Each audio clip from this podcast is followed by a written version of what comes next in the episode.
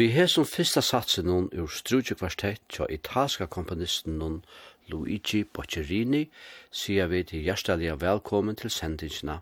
Her vil spela gauan klassenska tøvnløg og i utvarpen. Velkommen til Bolero.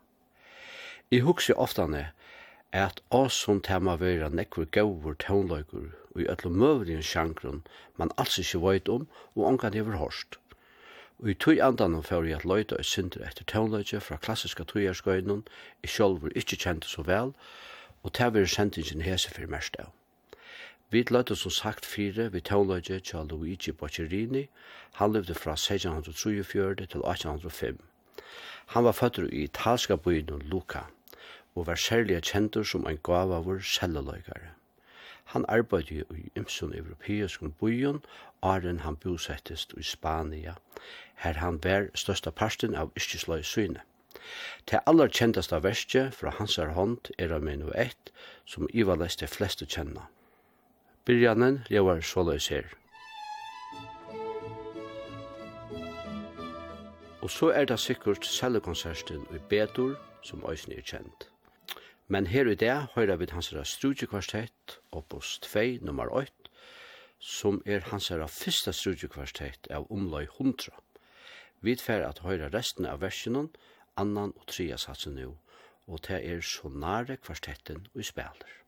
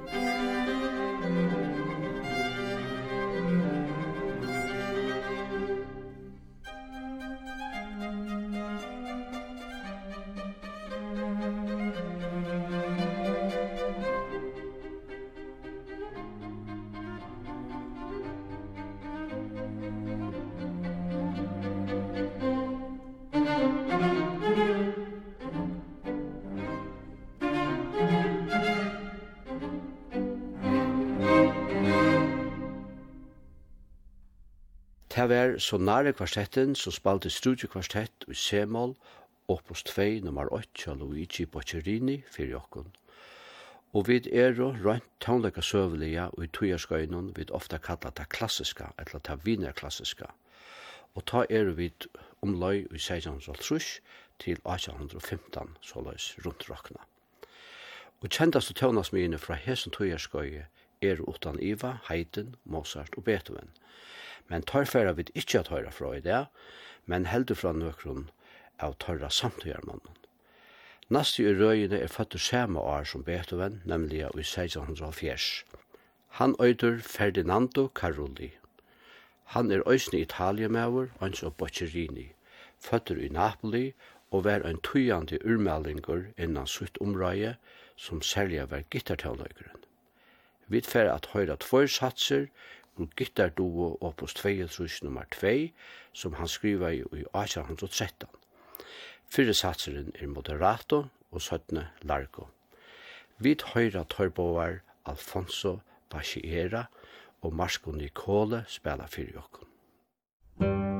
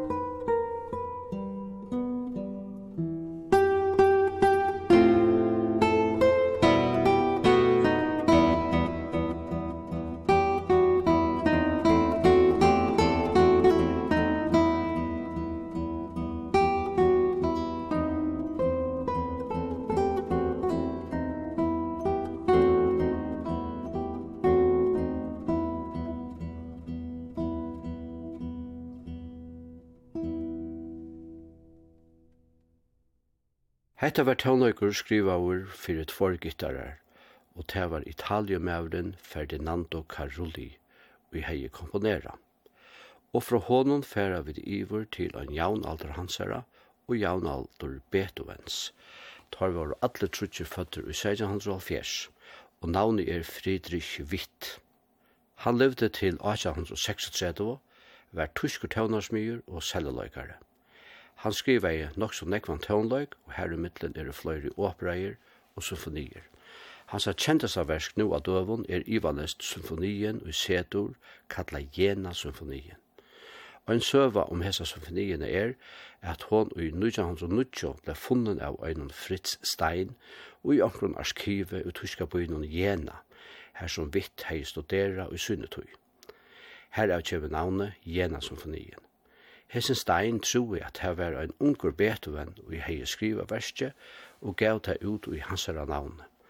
Søttene fann man ut av etter at han var funnet en øyt kopi av symfoniene ved navnen av Witt, at det var altså han, Fredrik Witt, og i hei skriva. Og ta i vidt nu for at høyra, hentan fjóra og søgnast av satsen av hese symfoniene, så er det kanskje ikkje så underligt at onker hever hilde at Beethoven kunne ha skriva. No men, never mind. Her høyra vid Symfonia, Finlandia, Juvaskila, under løsle av Patrick Gallios, spela hendan sista satsen fyrir jokken.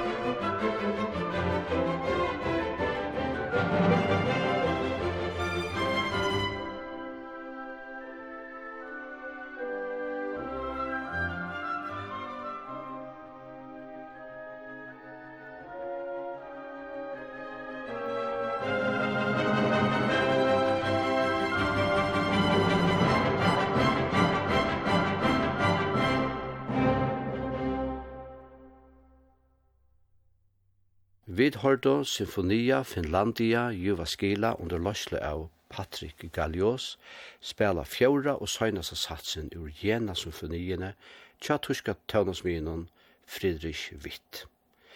Og fra honom færa vid iver til annan tøvnasmi som heldur ikkje er mer særlige kjentur fra hesson sama tøyarskøy. Det er Johan Wilhelm Wilms. Han levde fra 1672 til 1824. Han var fødder i Tysklandet, men bor i størsta parsten av løyvesunnen i Holland. Wilms er kanskje mest kjent for at han var skriva leie til Kjøshansen i Nye London, som var brukt fra 1815 til 1932. Han hever skriva nekvann tøvnløg, her i middelen er det fløyre symfonier, fløyre konserter og øysen i håp av kamertøvnløg. Vi færre her fyrst at høyra søgnasa satsen ur klaverkvartett i eftor opus 30, som han skriva i i 1812. Det er Valentin klaverkvartetten og spiller.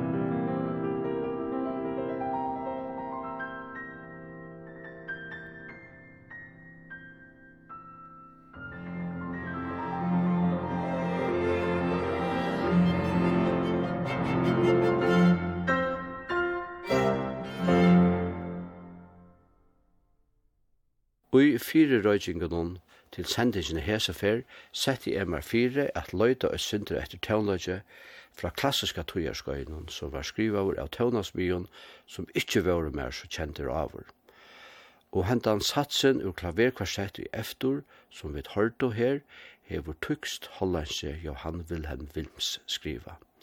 Han øyer òsne næste tøvnene som færre til Joma. Som jeg sier fram han undan, så skriver jeg han fløyre konserter for sololjóføre og orkester. Mittelen anna hever han skriva en fagottkonsert, en cellokonsert og fløyre klaverkonserter. Vi færa til her at høyra søgnast satsen ur konsert for klarinett og orkester som han komponerer i 1814 til 1815. Det er Ernst Schlader og spiller klarinett sammen vi Harmoni universell under løslo av Andreas Spering.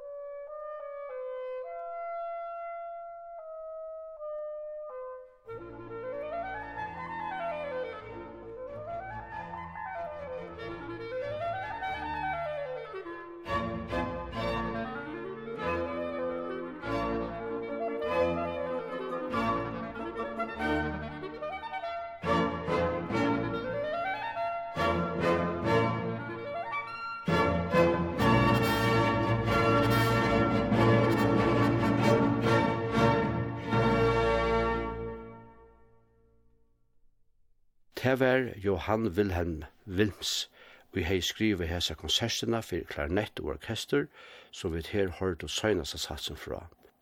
Og vi tog flyta vid okkom fram i møte søgnas og tøvnen og sendisni hesa fer, her vi hava hørst nekka av avkjent og tøvnløyge, og gusse fyrir til fleste av okkom. Søgnas og tøvnanar i det og gjør esterusje tøvnansmyren og klaverløygaren, Johan Nepomuk Hummel. Han var føtter i Bratislava i 1688 i nuverande Slovakuinun og døye i Weimar i Tyskland i 1836. Han bo i en pars av løvesøyen i Wien og fikk undervisning av begge Mozart og Heiden, så sier små at han hever vært i gauon hånden.